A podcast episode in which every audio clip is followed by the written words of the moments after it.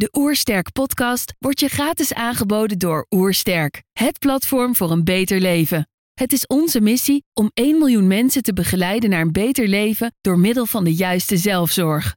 Wil je weten hoe jij kunt werken aan een beter leven? Ga dan naar www.oersterk.nu gezondheidscheck voor onze gratis gezondheidscheck en krijg direct jouw uitslag met persoonlijk advies. Mijn naam is Björn Aris en je luistert naar de Oersterk podcast.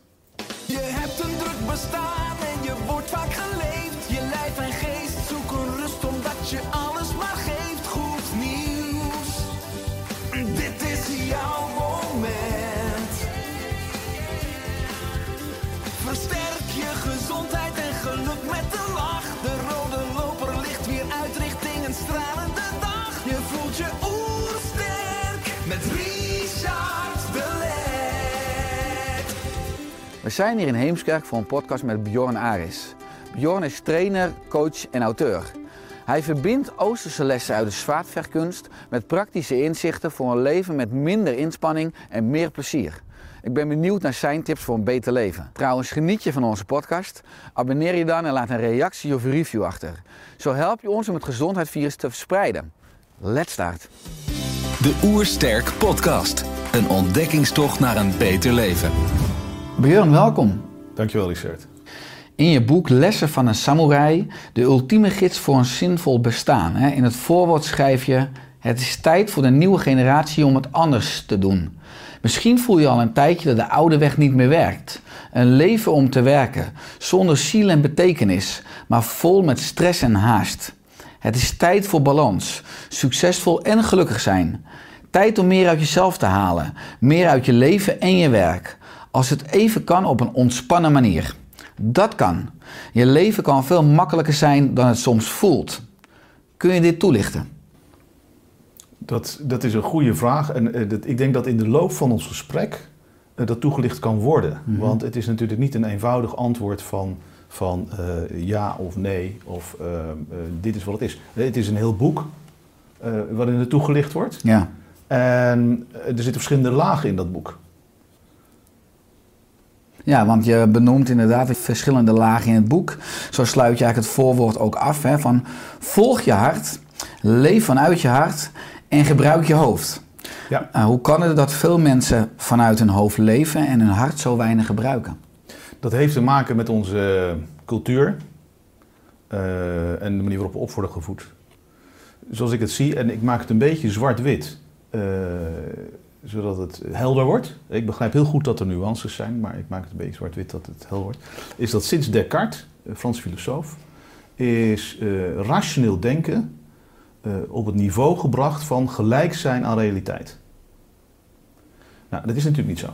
Want als dat zo was, dan zou alles opgelost zijn. Dan maak je de vergelijking kloppend en dan geen probleem. Zo, eh, rationeel denken is een taal. Net zoals Frans een taal is of muziek een taal is, eh, is rationeel denken ook een taal. En omdat wij opgevoed worden in, eh, eh, om eigenlijk alleen maar rationeel te denken, alles wordt rationeel benaderd, daarmee beperk je alles tot de taal. Daar waar de realiteit veel en veel omvattender is. Dus wij, wij doen alles op basis van ratio, eh, ons hoofd. En ehm, als je kijkt naar hoe het in elkaar zit, dan is het zo dat de wijsheid van het lichaam exponentieel groter is dan de intelligentie van het brein. En daar ligt dus heel veel te ontdekken. Ja, mooi. Want als ik dan een paar stappen eh, terug doe, want je hebt nu een paar zinnen al met enorm veel wijsheid. Je was oorspronkelijk een succesvol investmentbanker en later internetondernemer. En op een punt realiseerde je, je jezelf, waar ben ik nou eigenlijk mee bezig? Je liet alles achter je en ging met niets anders dan een rugzak op tochten door Afrika, het Midden-Oosten, Azië en Japan. Waarom nam je deze radicale maar moedige beslissing? Ja, dank voor je vraag. Ehm, het, het, het, historisch zit het iets anders in elkaar. Mijn carrière overkwam mij. Ik heb nooit het idee gehad van ik wil eh, investmentbanker worden. Eh, ik ben gewoon begonnen achter de balie bij de Amro Bank. En omdat ik me eh, snel verveel en nieuwsgierig ben, ben ik op een gegeven moment door de barricades heen gegaan en omhoog gegaan in het systeem. Ehm, waardoor ik ook meer vrijheid krijg. En dat vond ik plezierig. Kijk, bankieren is op zich niet moeilijk. Ehm, er gaat geld in, er gaat geld uit. En de truc is zoveel mogelijk naar je toe halen. Dat is het businessmodel van de bankier. Eh, dat wordt ge, gecamoufleerd en gelardeerd, allemaal moeilijke woorden. Maar ik wil heel graag het waarom weten. Dus toen ik 23 was en begon, heb ik overal altijd gevraagd van, ja, dit gebeurt nu, maar waarom? En op een, aantal eh waarom-vragen krijg je antwoord, maar op een heleboel vragen kreeg je geen antwoord. En toen dacht ik, maar, maar men weet het niet. Hoe kan dat? Dus dat stimuleert mijn nieuwsgierigheid. En zo ben ik op een gegeven moment eh, eh, in het bankwezen doorgegroeid totdat ik hoofd corporate was van Lloyds Bank, Engelse bank, die destijds, ik geloof dat het ongeveer 1995, was die drie keer zo groot als ABN AMRO. Dus dat was een, een behoorlijke grote club. En heel interessant, het was een Britse club. En een Britse bank die eh, destijds, dat was in ieder geval nog eh, eh, vanuit het idee van de British Empire. En heb ik heel veel geleerd. En vooral A, in dat bankwezen zelf. Maar belangrijker nog, als bankier heb je het voordeel dat je altijd in de keuken van het bedrijf mag kijken. Ja, Het bedrijf wil geld en dan moet je kijken van nou kan dat? En dan wil je graag in de keuken kijken van hoe werkt het dan echt? Niet alleen de cijfers of de mensen, maar ook het bedrijf. En daarmee bouw je ontzettend veel kennis op en inzicht. En ik vond dat heel interessant. En zag dat, er, eh, eh, dat soms de keuken heel erg rommelig was en anders dan de cijfers gepresenteerd werden.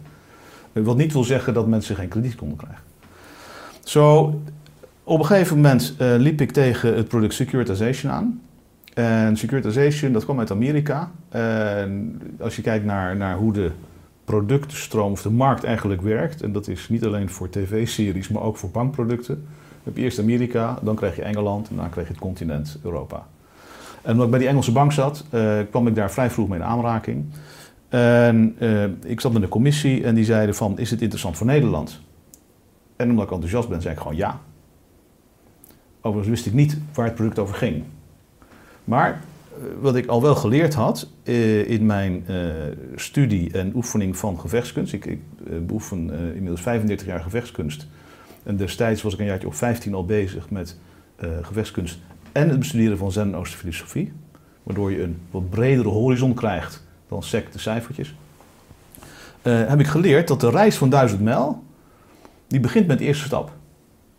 En wat wij leren in het Westen, en dan kom ik weer terug bij het rationele, is dat we heel graag willen plannen. Dus dan gaan we allerlei stappen gaan we, eh, uitstippelen van tevoren.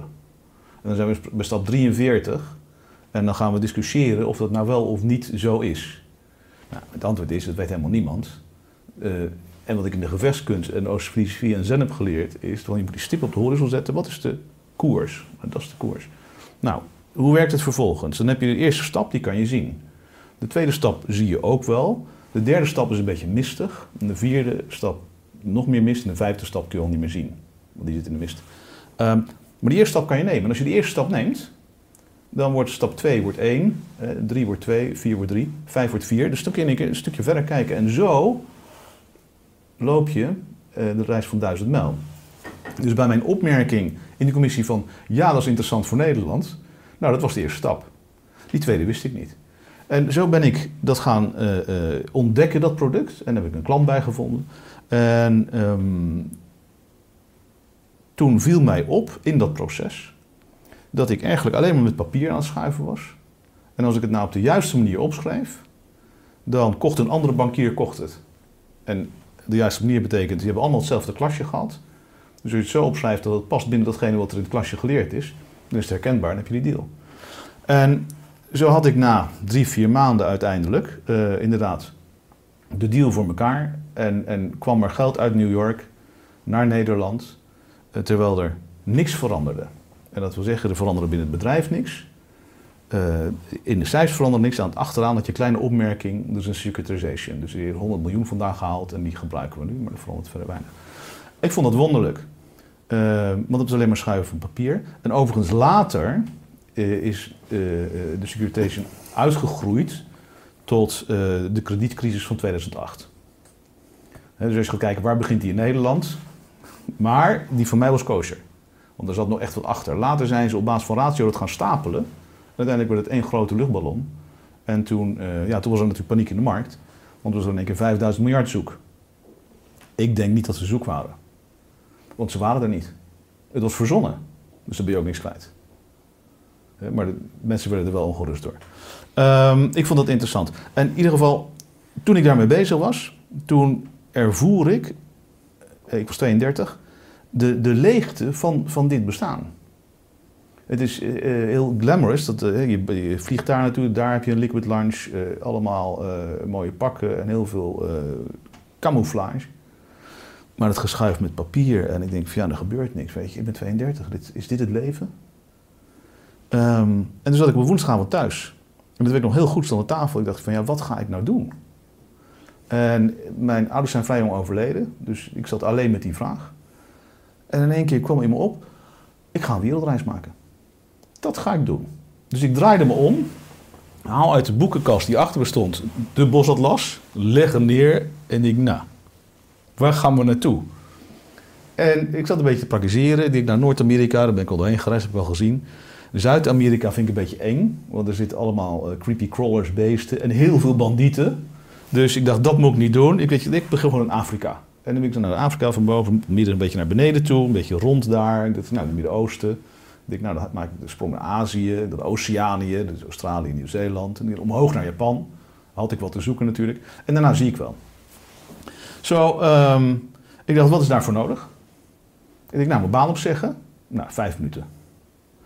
Mijn huis verkopen. Ik denk, ja, dat duurt ietsje langer. Maar dan had ik een collega die heel erg eager was op eh, eh, niet alleen mijn positie, maar ook mijn, mijn status, zeg maar. Ik denk, nou, die wil het huis geheid kopen. Eh, ik had een vriendin, maar die ging vreemd, dus die moest er sowieso uit. Dus dat was ook opgelost. En, een rugzak. Dus ik heb een rugzak gekocht. Ik heb het boek gelezen van John Wiseman, het eh, Survival Handboek. En ik ben naar Afrika gegaan. Nou, mijn omgeving verklaarde me natuurlijk helemaal voor gek.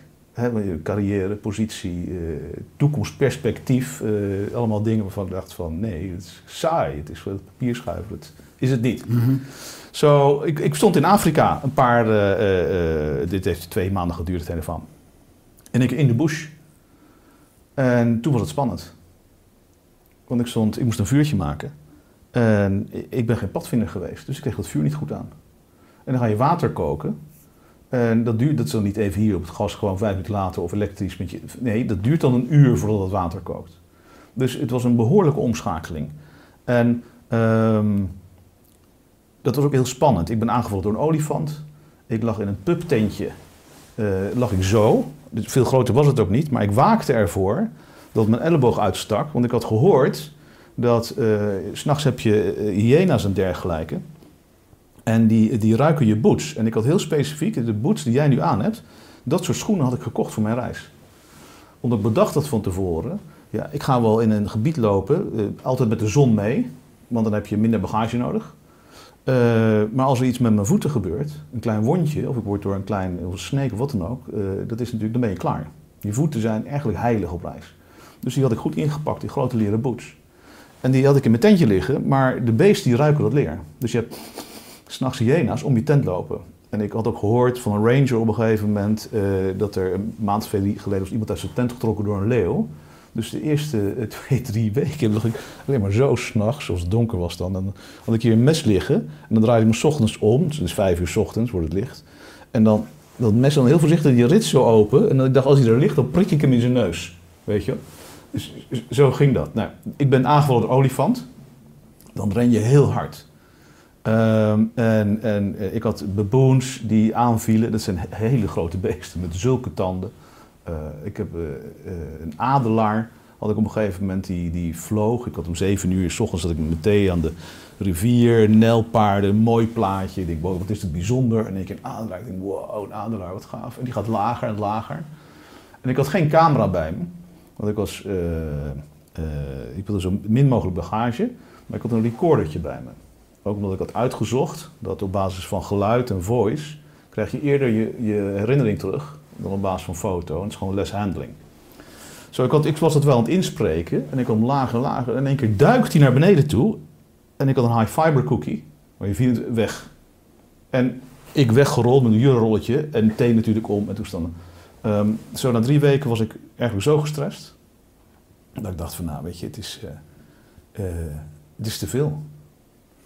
En, en toen dacht ik van, als ik nu dood ga, nou weet je, dan ga ik me dood. Het kan me eigenlijk niet meer schelen. En dat was een mooi moment. En dan kan ik me nog voor de geest halen. Ik kan het nog niet voor de geest, ik kan het nog voelen. Want op dat moment viel er 20 kilo van mijn rug af. En in één keer stond ik en denk, boom. En kon ik zien hoe de, de savanne georganiseerd was. Dus de savanne, daar loopt de, de, halve voedselketen van, van hertjes, leeuwen, cheetahs, tegenwoordig, zebra's. En tot die tijd had ik gekeken met verwondering van waarom lopen die herten zo dicht bij die leeuwen, die zien dat toch ook. Dus ik dacht, ratio, ik dan de leeuw een stukje naar links en hertjes naar rechts, weet je. Beter. Eh, Rationeel denken. Maar dat werkt helemaal niet zo. Dat werkt in cirkels. Zoals alles in de natuur in cirkels werkt. Het is allemaal een, een, een spiral. Eh, en één keer zag ik die patronen en bewegingen kon ik gewoon zien. En dan zie je gewoon eigenlijk een hele grote balansbeweging. In één keer is een verstoring van de balans, dus een keel, een rimpeling en dan gaat het weer terug. En dat vond ik heel interessant dat ik dat kon zien. Ik kon vertellen hoe laat het was. Zonder op een horloge te kijken. Ik wist het gewoon. Een heel leuk spelletje. Van, eh, klopt het? Ja, klopt. Gaaf. Dus ik ontdekte toen dat die wijsheid van het lichaam veel groter is dan de intelligentie van het brein. Waarbij, ik niet wil zeggen dat het brein eh, eh, slecht is, maar wel de volgorde van belang is. Een dienaar. Ja, dus eerst buik, dan hart, en dan pas hoofd. Overigens, deze volgorde die heb ik later pas bedacht dat het zo in elkaar zat. Ik vond het geweldig wat ik ontdekte. En daarmee eh, heb ik een hele andere reis beleefd eh, eh, dan dat ik die eerste drie weken had, zeg maar. Dus veel meer of, vanuit het hier en nu. Wat is er nu aan de hand? En er gebeurt heel veel en eigenlijk zijn alle antwoorden zijn al bij je. Zo, dat vond ik, dat vond ik geweldig. Ik heb die reis gedaan. Na Japan dacht ik op een gegeven moment, wat ga ik doen? Toen ben ik eh, teruggegaan naar Nederland. Heel bewust. Ik heb hier geen familie, eh, maar Nederland is wel het rijkste land ter wereld. Dat was het in 1998 en dat is het nog steeds. Nu wel minder eh, vrijheid, maar nog steeds een heel vrij land. En dat is belangrijk, vrijheid. Ehm, ik liep natuurlijk verdwaasd rond. De eerste paar maanden hier op straat. En eh, verwonderde me ook dat om 8 uur 's ochtends zag ik mensen rennen naar hun werk toe. En ik dacht, waarom rennen ze? Er is toch geen, geen olifant die er achterna zit? En hoezo de stress? Gewoon als je erover nadenkt. We zitten bovenaan de voedselketen. We hebben supermarkten die het beste gevuld zijn op deze planeet. Beter dan States, beter dan Frankrijk, be- beter dan Japan. Niemand heeft zes soorten mosterd staan. Eh, om maar wat te noemen. Dus ik dacht van, waar komt al die stress vandaan? Vond ik raar. Enfin, toen ben ik... ehm, eh, op een gegeven moment ik centjes nodig. Dus toen ben ik gaan werken. Bij een bank, werd gevraagd om bij een bank te werken. Ik heb gezegd, nou is goed, doe ik. Maar ik doe alleen dat wat nodig is. Nou, hallo, vierurige werkweek. Want wat was nodig? In mijn geval dealmaking. Nou, dan moet je een deal maken. Maar daaromheen zit zoveel... Ja, eh, onzin in, in verzonnen projecten, eh, bedachte meetings, eh, mensen die elkaar dwars zitten. Noem maar op. Er is gewoon een heel pandemonium in zit. Dit is allemaal niet nodig. Weet je? Dus ik bracht hele dagen door aan het strand of andere dingen waar ik mee bezig was. Ehm, toen ben ik op een gegeven moment heb ik nog een stapje gemaakt naar een andere bank. En toen werd ik gebeld door een vriendje niet lang daarna. En die zei tegen mij van Aris, eh, zullen wij wat in die internethype gaan doen? Ik zei, briljant idee, want daar weet ik helemaal niks van. En dat klinkt misschien gek, maar dit is wel het beste begin. En dit is precies wat ze in de Zen bedoelen met beginner's mind. Want als je niks weet, dan heb je een open vizier. En dan ben je vrij om te denken en om mogelijkheden te bedenken en te zien. En als je dat ziet en je gelooft erin, je gaat ervoor. Then you make it happen. Als je heel veel ervaring hebt en, eh, dat, en als dat nog allemaal op je scherm zit, dus ook alle dingen die niet goed zijn gegaan, dan komt het allemaal naar voren. Dat is moeilijk, dat werkt niet, dat, dat, dat, dat. Dan heb je zoveel slack en dan, als je denk, moeilijk denkt, dan wordt het ook moeilijk. Zo, eh, ja, dat ging heel goed, dat proces. Eh, dus we hebben die winkel opgezet en het was een gekke markt. Mensen hadden het over een burn rate. Dus als je maar heel veel geld uitgeeft, dan ging het goed met je. Nou ja, wat ik al eerder zei, ik heb niet zo heel veel in het bankwereldje geleerd. Behalve dat eh, dat geld wat er doorheen gaat, natuurlijk ze naar je toe halen. Het is niet dat het naar buiten toe moet. Dus zo hebben wij die internetwinkel opgezet dat hier wat geld naar binnen kwam. En dat ging ook heel goed, omdat het een hele gekke markt was. En dat verveelde mij op een gegeven moment, omdat ik me realiseerde dat ik me niet goed voelde. En ik was toen 35. En toen dacht ik van, eh Aris, eh, je bent nou 35. Eh, je hebt het bankverhaal gedaan, die internetwinkel die leuk loopt. Weet je, het wordt tijd om serieus te worden. En dat moment weet ik nog, ik sprak mezelf echt toe. En toen heb ik gezegd van, nou, verkoop die, eh, die zaak, op mijn 50% daarin. En toen heb ik me gaan toeleggen op eh, ontwikkeling. Voltijds, dus intuïtieve ontwikkeling. Ik heb wat fysiologisch onderzoek gedaan, in je biochemistry, neurofeedback opleidingen. Zachte opleidingen, het ontdekken van je vier bewustzijnslagen. En het ervaren van wat daarin zit. En dat vond ik al heel interessant, want toen kwam ik erachter dat eh, in het Westen hebben we in de gangbare psychologie eh, definiëren we vier lagen. Terwijl in Japan hebben ze er negen. Ik dacht, hoe kan dat nou? Ze zijn veel kleiner die mensen. Hoezo meer lagen, weet je? Eh, dus toen begon ik echt te ontdekken dat we eh, eh, heel erg sterk sec alleen maar gericht zijn op die ratio. En dat alles wat er buiten is, dat wordt niet benoemd. En dat is wel eigenlijk waar het leven zit. Om een antwoord op je vraag te geven. Ja, toen ben je ook steeds meer gaan bezighouden met, dus met de zwaardvechtkunst. Ja, En wat kunnen we daarvan leren? Nou, het, eh, als je kijkt naar de, de, die wijsheid van het lichaam eh, en hoe eigenlijk het leven in elkaar zit, dan gaat het over ontwikkeling. En ontwikkeling staat voor de wikkel eraf halen.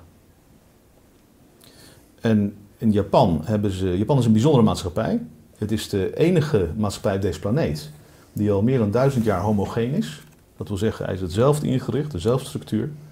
Het is een eiland. En dingen die duizend jaar geleden gebeuren, gebeuren nu nog steeds volgens dezelfde manier. Waarom? Omdat het werkt.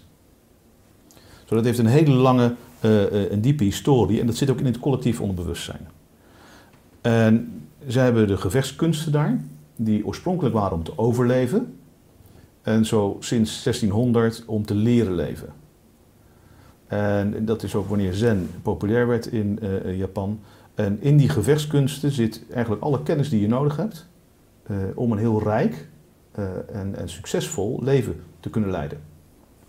En de zwaardkunst is dan, staat voor mij dan daar bovenaan, ook omdat het een hele moeilijke gevechtskunst is.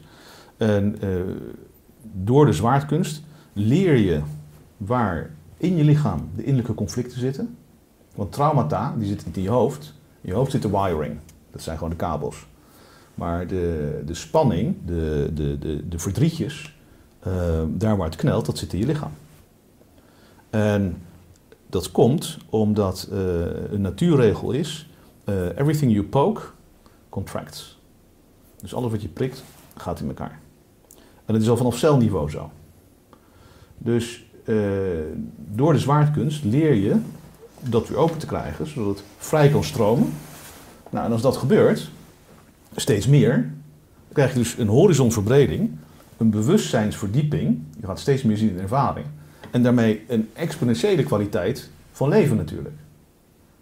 En, en, en heel veel goed voelen. Eh, en dat is wat de zwaardkunst, eh, en natuurlijk alle kunsten hebben dat, alle doos hebben dat in zich, mits op de juiste manier beoefend, eh, hebben dat in zich. Dus dat is, een, het is een, een weg voor een mooi leven. En wat is dan het leven? Het leven is die ontwikkeling, zodat er steeds meer beschikbaar komt. En ik had het er in het voorgesprek over met jouw collega's. ehm, dat mensen zijn tegenwoordig zijn ze zo vol in hun hoofd. Met gedachten en impulsen. Dat eh, er is helemaal geen ruimte voor leven. Terwijl als je je realiseert dat eh, je mind, is een orgaan. En wat doet een orgaan? Een orgaan heeft een functie. Die produceert iets.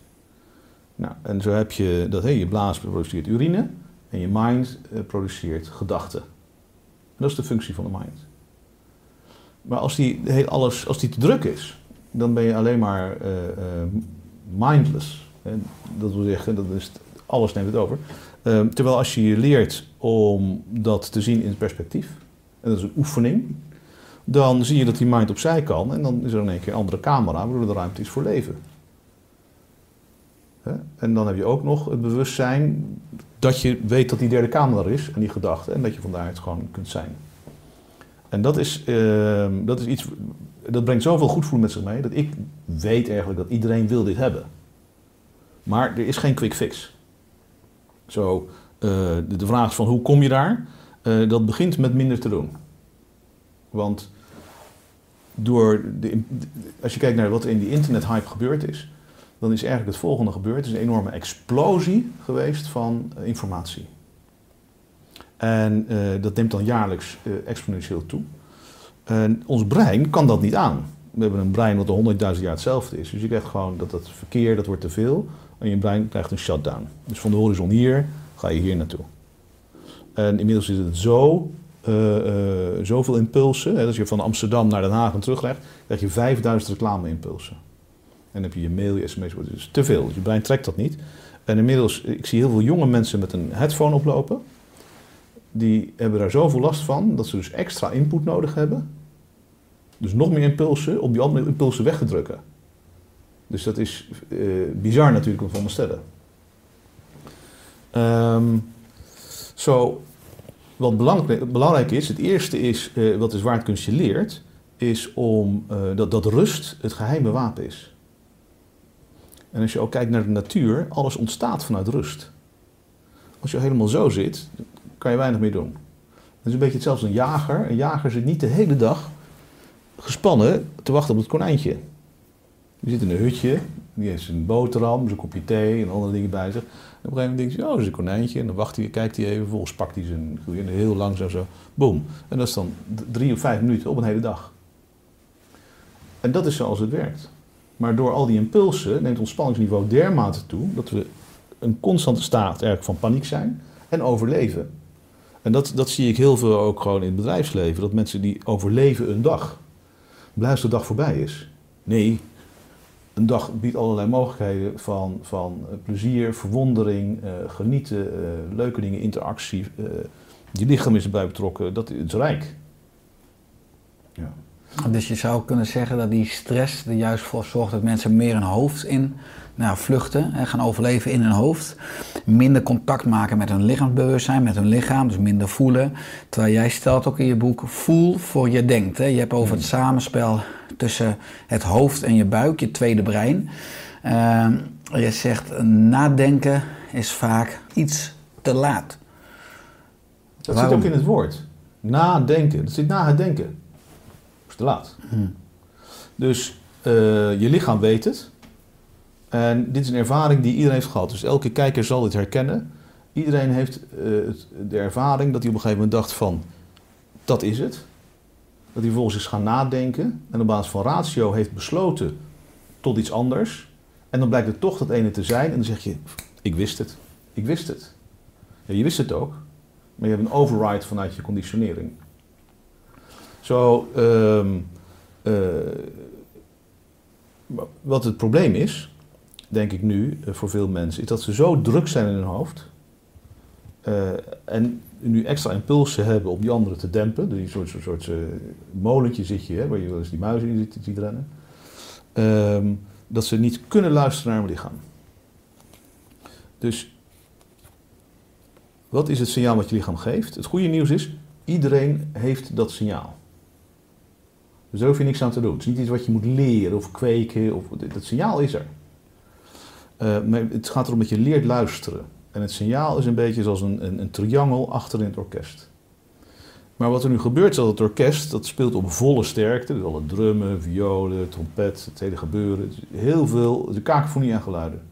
Je, je hoort die triangel niet. Dus eerst de volumeknop naar beneden. Dus bewust actief sturen op rust. Dat dat gezorgd voor ongemak, dat gevoel, dat is een uitnodiging. En waarom voelt het ongemakkelijk? Weet je, ga maar kijken. Want daar zit de poort naar meer ruimte en meer licht en plezier. Ehm, dan is het eh, eh, belangrijk dat als je het signaal kan horen, dat je erop leert te vertrouwen. Van dat dat goed is. En dat is een proces van vallen en opstaan. Dat is ontwikkeling. En hoe meer je dat doet, hoe meer je merkt van, oh ja, het klopt. En hoe meer je in jezelf komt. En dan, eh, eh, wat heb je hiervoor nodig? Eh, tuurlijk, het is van buik, hart, naar, en dan met, met behulp van je hoofd, met behulp van de ratio. Maar wat je nodig hebt is eh, wat ze in het Engels courage noemen, of in het Frans courage. En dat komt van het Latijnse woord cor, en dat betekent hart. Zo, je moet het vanuit hier doen. Dan heb je de kracht. Op het moment dat je vanuit je hart gaat, dan, dan is er geen energie tekort. Dan, dan gaat het. Ja. Nou, want je geeft in het boek natuurlijk eh, veel verschillen aan. Hè? Je hebt over het oosten en het westen. Eh, in het westen betekent succesvol zijn meestal dat je ergens veel geld mee verdient. Hè? De bankrekening is de graadmeter voor succes. In Japan is juist de bijdrage die je levert aan de omgeving de maatstaf. En er gaat niets boven dienstbaar zijn. En wat kunnen wij in het westen op dit gebied van Japan leren? Nou, precies dat. Ehm, alleen wat het woord dienstbaar wordt nog wel eens verkeerd begrepen. Ehm, zeker in, in het eh, Calvinistische Nederland. En dan moet je nederig zijn.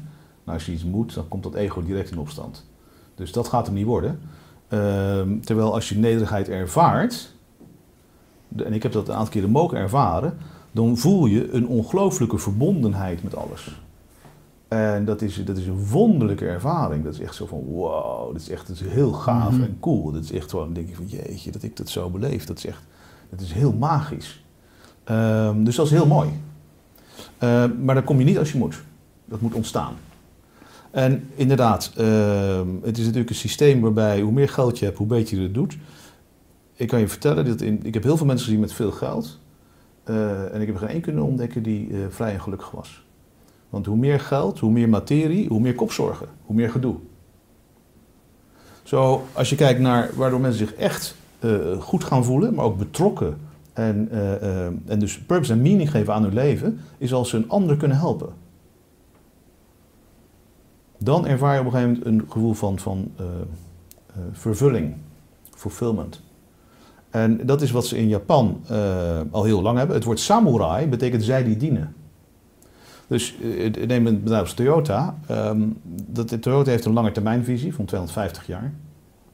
En dat, eh, dat is vrij standaard bij veel bedrijven dat ze een paar honderd jaar vooruit kijken. Er zijn veel bedrijven die bestaan al 6, 7, 800 jaar. En als je daar dan 25. En, en het de, doel van ehm, Toyota eh, is we deliver mobility. Dus we leveren mobiliteit.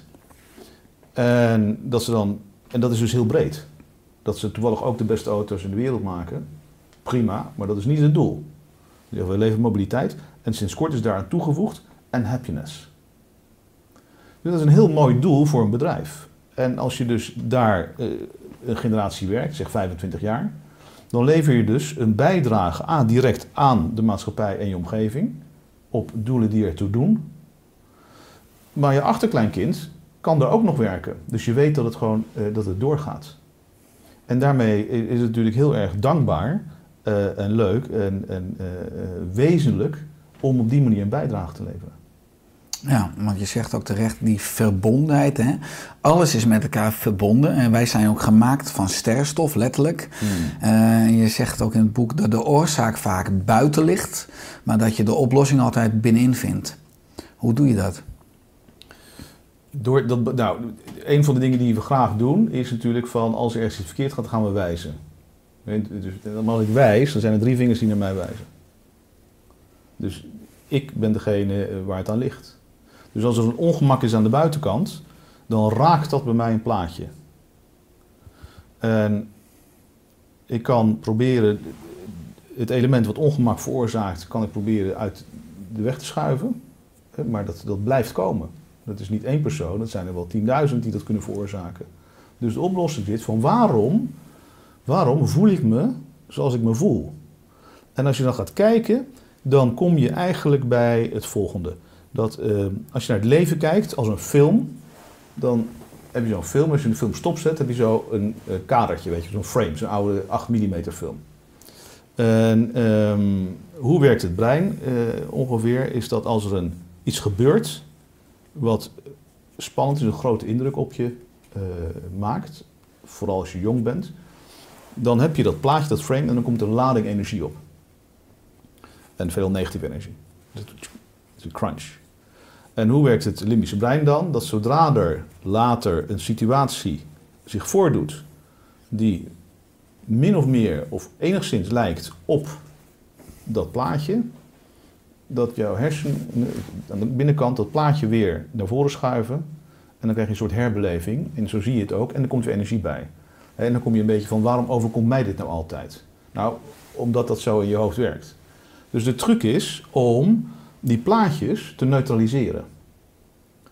En dus dat wil niet zeggen dat je die herinnering blijft, maar de spanning haal je ervan af. En daar zijn 86.000 manieren voor.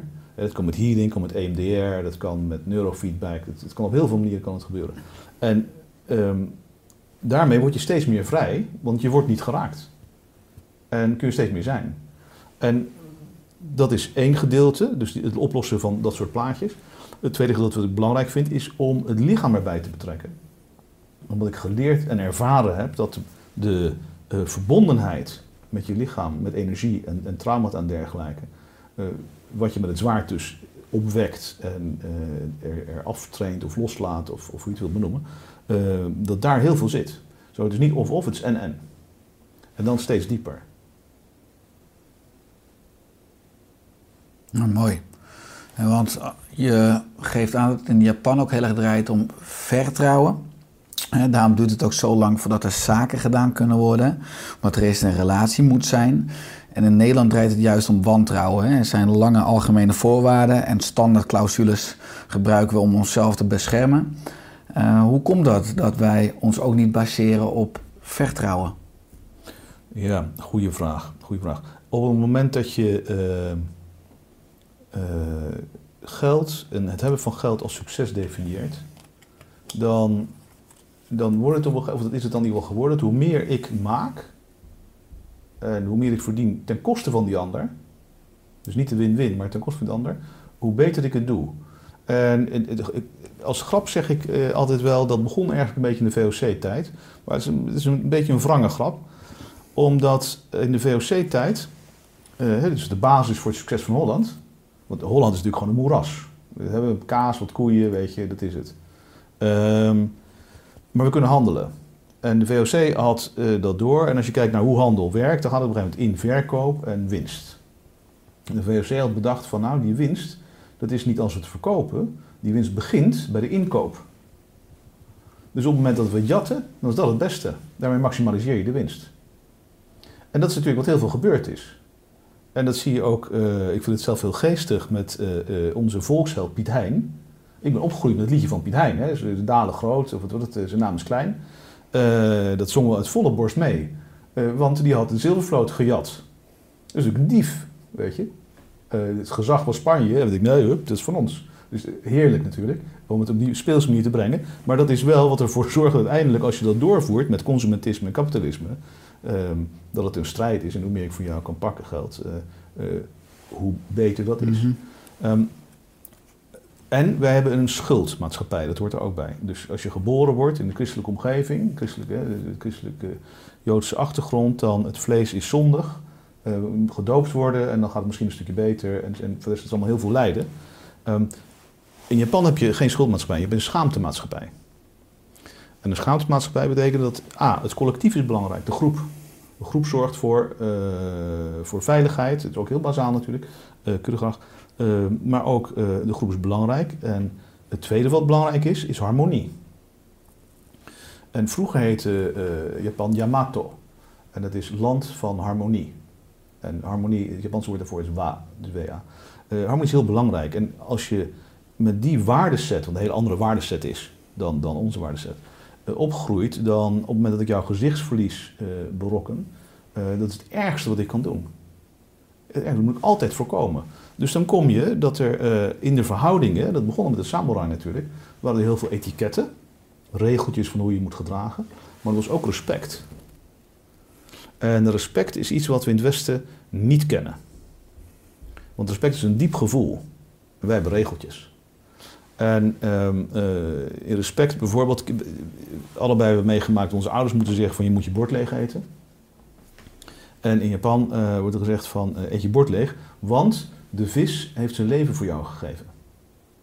Dus daarmee wordt al veel holistischer eh, mensen en kinderen bewust gemaakt van we zijn onderdeel van de natuur. Het Shinto-geloof, dat is het brede volksgeloof, is dat alles bezield is. En dat je onderdeel bent van, hè, zoals eerder zegt, niet alleen, alleen sterrenstof, maar het is ook allerlei gewoon, hè, wat we eten. Het is een, zijn zelf zijn we een, een, doorloopfabriekje van eten en- ook van gedachten. Alleen die gedachten blijven vaak hangen. Dus daar is dan onder andere ook de zwaarkunst voor. Dat je die gedachten ook loslaat, zodat je een schoon een schone venster hebt, zeg maar. Ehm, eh, eh, dus, en Shinto zegt van als je iets neemt uit de natuur, dan verstoor je de harmonie. Dus het minste wat je kan doen, is er iets heel moois van maken. En dat zie je terug ook in de, in de, de omslag van het eh, nieuwe boekje. Eh, als iets kapot gaat, dan repareren we het en daarmee wordt het eigenlijk mooier. Hm, mooi.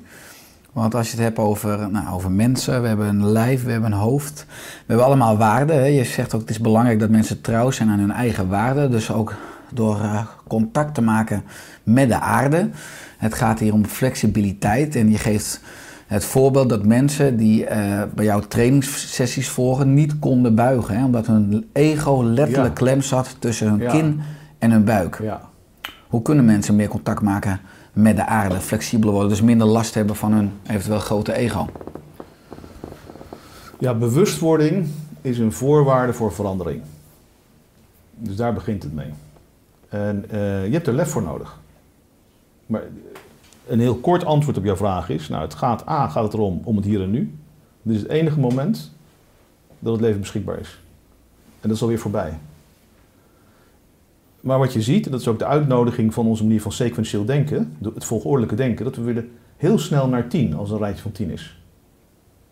En vaak vergeten we dan twee of drie nummers. Hè, en dan zijn we, oh, we zijn op 10. Ja, maar wel vergeten. Ja, is niet erg, we zijn bij 10. Nee. Het gaat erom dat je elk moment beleeft. En dat kan alleen maar op het moment dat je hoofd ook in dat hier en nu is. Dus het begint met dat rust is het geheime wapen. En dat, dat geldt voor de zwaardkunst, maar dat geldt ook voor een vergadering. Als je van tevoren je rust neemt, dan kom je, ben je present in de vergadering. Maar als je vijf minuten laat binnenkomt en nog bezig bent met het vorige gesprek en dan weer nadenkt aan wat je daarna moet doen, het heeft geen zin, dat moet je gewoon niet doen.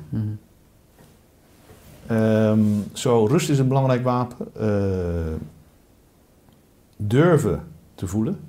Mensen vinden dat vaak eng. Oh jee, wat gaat er gebeuren als ik ga voelen?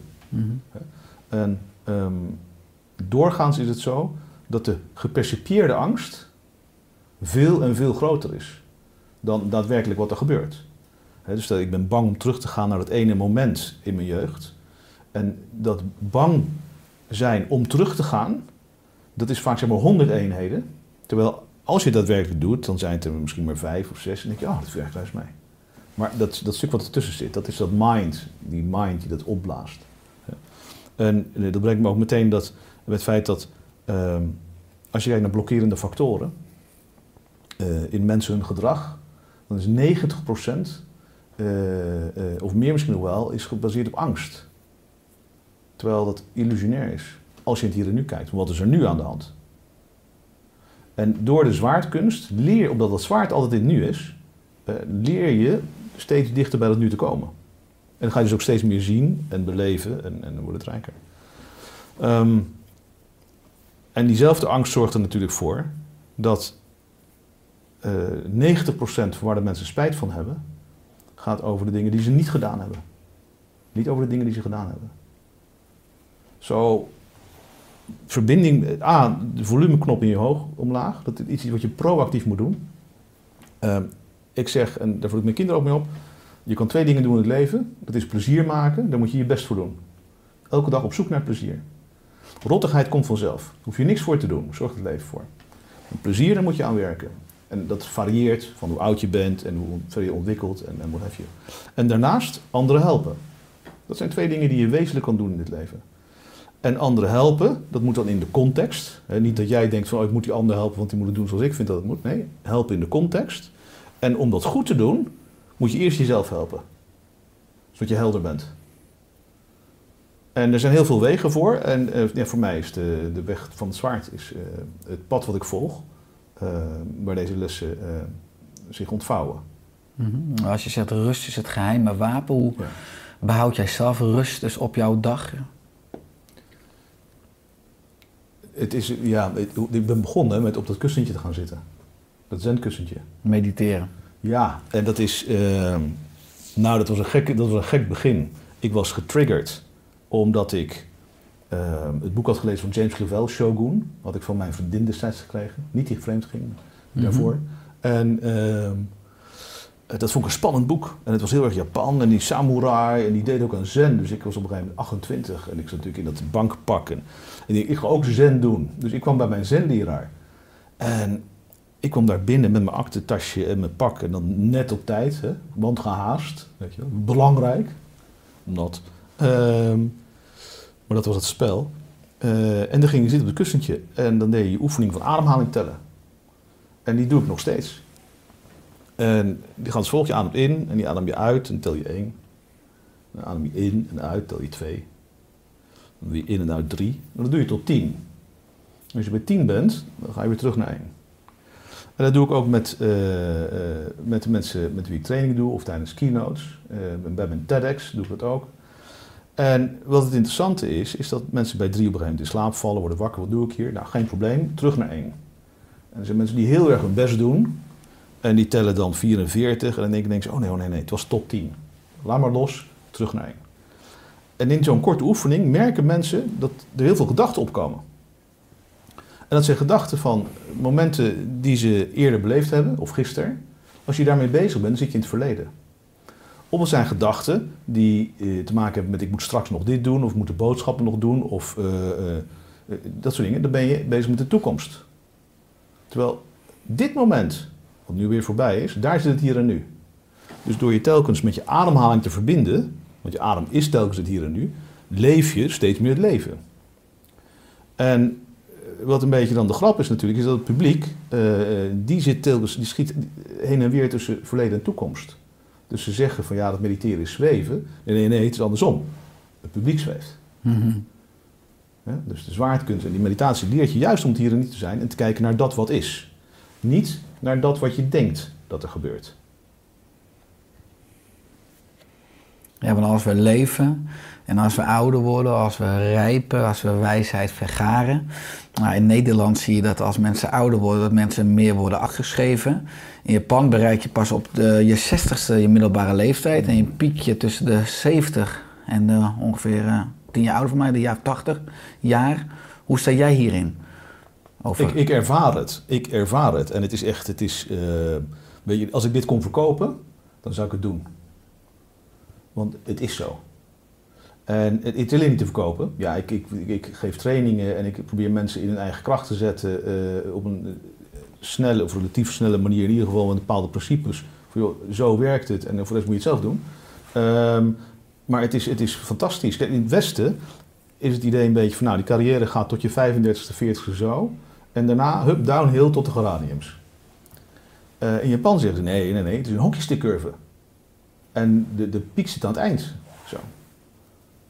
En, en dat is prachtig, want ik ervaar dat. Ik, ik, ik, ik beleef dat met de zwaardkunst. Als ik kijk, ik doe nu 35 jaar. En ik heb dan misschien junior plus status. Hè? Eh, maar eh, ik heb leraren van, van 80, 90 die dingen kunnen die ik niet kan. En die zijn ook sneller dan ik ben. Ik ben niet langzaam. Ehm, en dat is om dat te ontdekken en te mogen beleven. eh, daardoor wordt het steeds lichter en mooier. Maar daar moet je wel wat voor doen. En daar zit een beetje de, het knelpunt van het rationele denken, eh, waar we ons niet van bewust zijn. En dat knelpunt zit als volgt in elkaar. En dit is eigenlijk wel heel essentieel. Ehm, door dat rationele denken, door die logica, is het zo dat op het moment dat eh, ik jou dit vertel en het verhaal klinkt logisch, en ik vraag aan jou, begrijp je het? Ik zeg ja, ik begrijp het. Hè? En nou ben jij eh, geschoold en heb je al heel veel verdiept in dit soort dingen. Maar eh, iedereen zegt wel van, oh, ik begrijp het.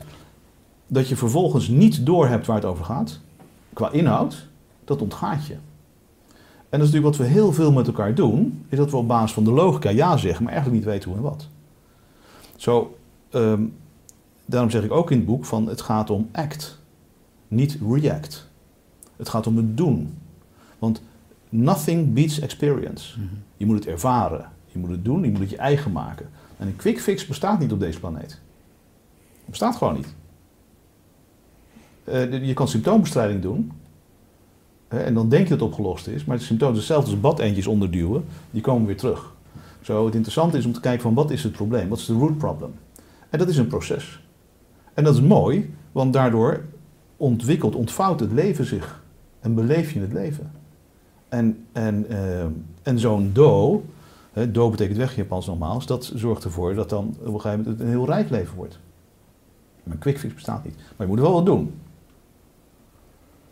Ja, het is een levenskunst om meer te bereiken door juist ook minder te gaan doen. Ja. Eh, op welke manier kunnen mensen als ze luisteren of nu ons zien, eh, dat integreren in hun eigen leven? Hoe kan je nou meer bereiken door minder te gaan doen? Dus echt te kiezen, die ontwikkeling, hè, de wikkel eraf te halen, bij de essentie uit te komen. De, de volgorde is belangrijk.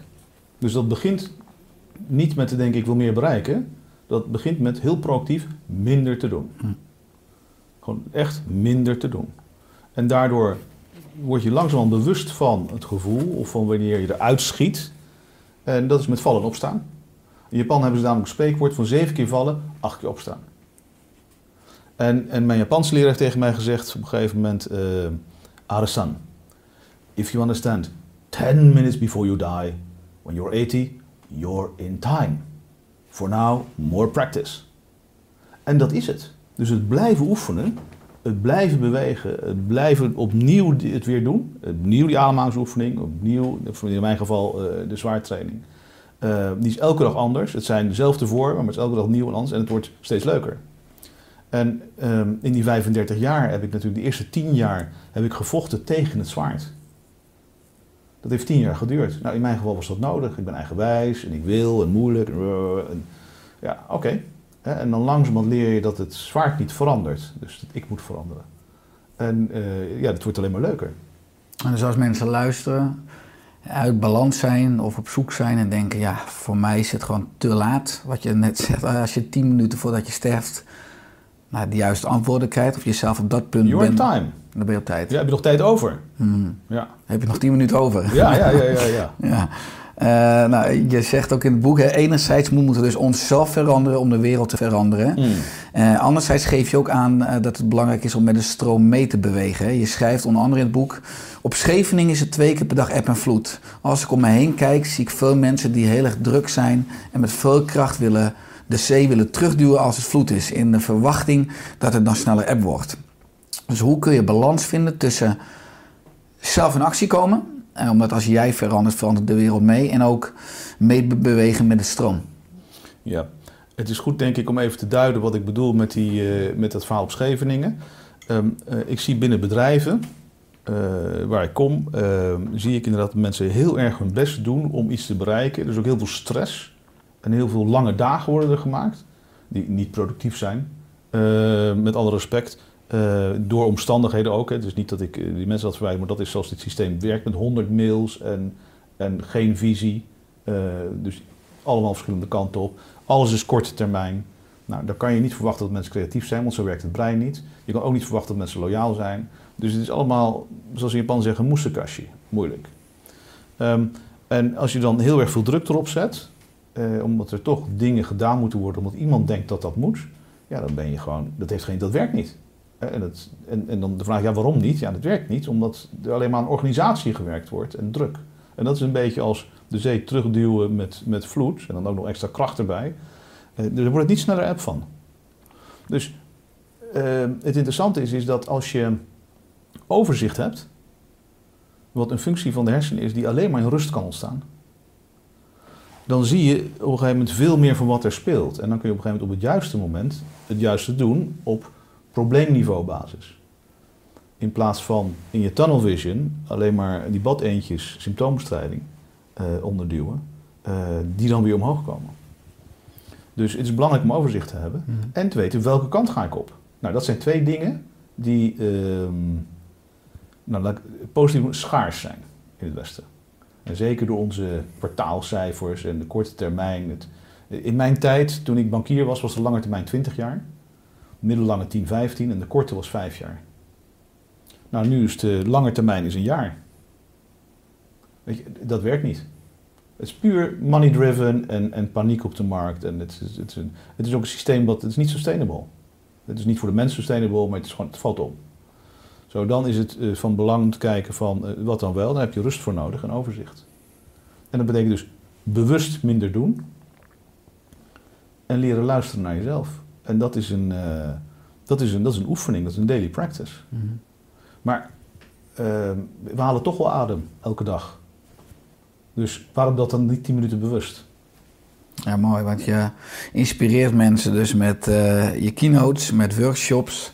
Meer dan 10.000 deelnemers uit 60 landen hebben een workshop Mental Witching eh, bij gevolgd. Wat zijn de belangrijkste resultaten die je hieruit ziet?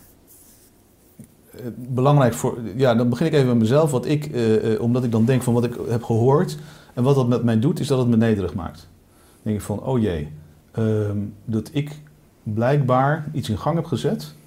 Hè, wat voor mij heel leuk en enthousiast en, en, en met ook een beetje zwaar, een beetje speels ben ik daarmee bezig. Eh, maar het heeft zoveel serieuze effecten dat ik dacht van, oeh, het motiveert mij enorm. Het A, geeft het me betekenis in mijn leven. Als ik in papier aan het krassen ben, dat vond ik leeg. Een banktijd. Eh, maar nu denk ik van, oh, ik, ik, kan ergens een bijdrage leveren. Dat vind ik heel dankbaar. Het stimuleert me enorm om nog meer mijn best te doen. Om nog meer met het zwaar te trainen. eh, zodat ik transparanter ben. Zodat het gewoon zuiver is wat de bijdrage is. En dat er niet smaak bij zit, maar dat het zuiver is. Ehm, wat ik terugkrijg is dat mensen... eh, eh, de leeskwaliteit neemt toe. Dus ze beginnen dingen echt te veranderen en te zien. De manier waarop ik het doe, en daar is ook wel onderzoek naar geweest, twee keer, ook met behulp van TNO, is dat het, mensen onthouden 70% van de essentie na één workshop. Dat is heel hoog, dus is heel, eigenlijk is dat wel een beetje een quick fix qua je onthouden. En 83% van de deelnemers, die eh, verandert daadwerkelijk ook één of twee dingen in hun leven. En dat is omdat ik de methodiek gebruik om dingen via het lichaam aan te bieden. Dus ik laat mensen dingen ervaren, dan voelen ze, en daaraan koppel ik eh, de kennis. Dus dan gaat het direct je lichaam in, in plaats van dat het in je hoofd blijft hangen of anders geïnterpreteerd wordt. Ehm, ik, de mooiste momenten vond ik eh, in de eh, afgelopen jaren, en dat wordt vaak niet begrepen, is dat mensen na de workshop, en dat heb ik echt al vier, vijf keer stond ik erbij, dat mensen hun telefoon hebben gepakt en hun baan hebben opgezegd. De kapper mee. En eh, niet hadden nagedacht over wat ga ik dan doen, maar dit ga ik niet doen. Eh, omdat ze voelden van nee, ik, wil, ik wil leven, ik wil vanuit mijn hart leven. Het is, ik, ik wil eh, er zoveel te ontdekken, eh, daar ga ik voor. En ehm, ja, dat past niet binnen het van, de stramien van hoe er gedacht wordt natuurlijk, maar dit zijn de mooiste momenten. Ja. Dus eigenlijk heel veel positieve feedback ehm, die mij enorm motiveert en enthousiasmeert om nog beter mijn best te doen. En mensen, mensen, ik krijg mailtjes van mensen eh, van, van 10, 15 jaar geleden. Toen zei je dat. En daar heb ik nog steeds wat aan. Dan denk ik, jee. En wat is een praktische tip ook eh, uit de workshop, waar je als mensen nu luisteren? Eh, dat kan je in je leven integreren en dan kan je, nou snel, maar dan kan je effect van ervaren. Ja, nou, ik, ik, ik blijf terugkomen op die ademhalingsoefening. Doe dat 's ochtends vroeg, zodra je wakker wordt. Ehm, eh, ga zitten en oefen dat. En binnen twee weken merk je verandering. Eh, je lichaam, je smaak neemt toe, je slaapt beter. Heel veel, drie kilometer onderzoek waarom het werkt, maar het werkt. Zo. Begin daarmee en houd het vervolgens vol. Dus ga je ademhaling in en uit is 1 tot 10 tellen. Ja, en begin dat, bij 1. ja. Mensen passen hem ook toe om slaap te komen. Heb ik gehoord. Ja, hij werkt prima. Ik ben binnen vijf minuten ben ik in slaap gevallen. Weet je, nou, dat, oké, maar daar is hij niet voor bedoeld. Mhm. Want die ademhalingsoefening is, ehm, eh, is eigenlijk een concentratieoefening. Trainen van je aandacht in het nu. Enorm. Dus het is- een zware oefening. Dat hij als plezierig bijeffect heeft dat je er enorm door ontspant, dat is oké. Maar het is een concentratieoefening. Zo, je, je bent bezig om ehm, je brein het orgaan te laten zijn wat het is. Zodat je daarna ve- veel meer ruimte krijgt voor, voor leven en dat wat echt is. En dat, daar, daar moet je voor oefenen en dat, eh, dat vereist concentratie en die bouw je met deze oefening op. Nou. Wat is je missie of je droom voor aankomende jaren? Oh, nou, ehm goede vraag. Het is, ehm, weet je, ik heb alles gedaan in mijn leven wat ik wilde, altijd. Ehm, op basis van wat ik voelde. Ik heb zelden nagedacht. Dat wordt me nog wel eens verweten. Eh, dus ik heb dingen gedaan. Ik ik doe het gewoon. Waarom? Lachen, leuk, kan het schelen. En als ik nu zou sterven, oké. Is niks op mijn bucketlist wat ik eh, nog zou moeten doen. Wel ervaar ik elke dag het plezier van het trainen met het zwaard. En oké, ik ben drie keer wereld rond geweest. eh, ik heb van alles en nog wat gedaan. Maar altijd van we doen het en we zien. Dus de truc is volgens mij dat je, eh, en dat, dat is iets wat ik zelf vrij jong ontdekt heb, is dat je heel bewust heb ik altijd geroepen, jongens, we moeten mooie herinneringen maken. En dan gaan we nu mee beginnen. En dan heb je fun. Dan heb je plezier. En, en dat in combinatie met eh, de training voor ontwikkeling, ja, dat is, dat is een goed recept, denk ik. Want ook door, wat wel van belang is, is door het oplossen van die innerlijke conflicten, ontstaat er niet alleen meer ruimte voor leven, maar kom je uiteindelijk ook steeds meer bij compassie. Want je wordt niet geraakt, dus je hoeft er niet boos te worden. Dus er ontstaat steeds meer ruimte om met die ander te kunnen verbinden. En begrip en, en verbinding. En, eh, ja, en dat is ook belangrijk en mooi. Zo, zo dat, dat ligt overigens in lijn met het bureauhandvest. Dat is de, eh, een handvest van alle bureauorganisaties bij elkaar, wat in Japan op een opgesteld. En die zegt dat bureau beoefen je eh, om een beter mens te worden. Door je karakter te polijsten, oplossen van innerlijke conflicten. En op die manier ook een bijdrage te leveren door je zijn. Nou, dit is een joepie knalmoment natuurlijk. Mooi. Is er aan het einde van de podcast nog iets dat je graag wil aanvullen of toelichten? Dankjewel voor de ontvangst. En eh, leuk om hier te mogen zijn. Weet Bijzonder. Heel graag gedaan. Waar kunnen mensen meer over jou vinden, over je workshop, over je boeken? Ja, Google. Björn Aris, Google, dan, eh, dan komt het direct goed. Nou, En, maar wat wel is, ik wil graag als, als mensen vragen hebben, wil ik ze uitnodigen om uh, stuur een mailtje eh, naar björnaris.gmail.com. Eh, ik beantwoord alle mails. Ik heb er tijd voor. Nou, heel inspirerend. Ik hoop Ja. dat eh, duizenden mensen jou gaan mailen. Björn. ja, nou, eh, dus, is- ik, ben- daar ben ik niet bang voor.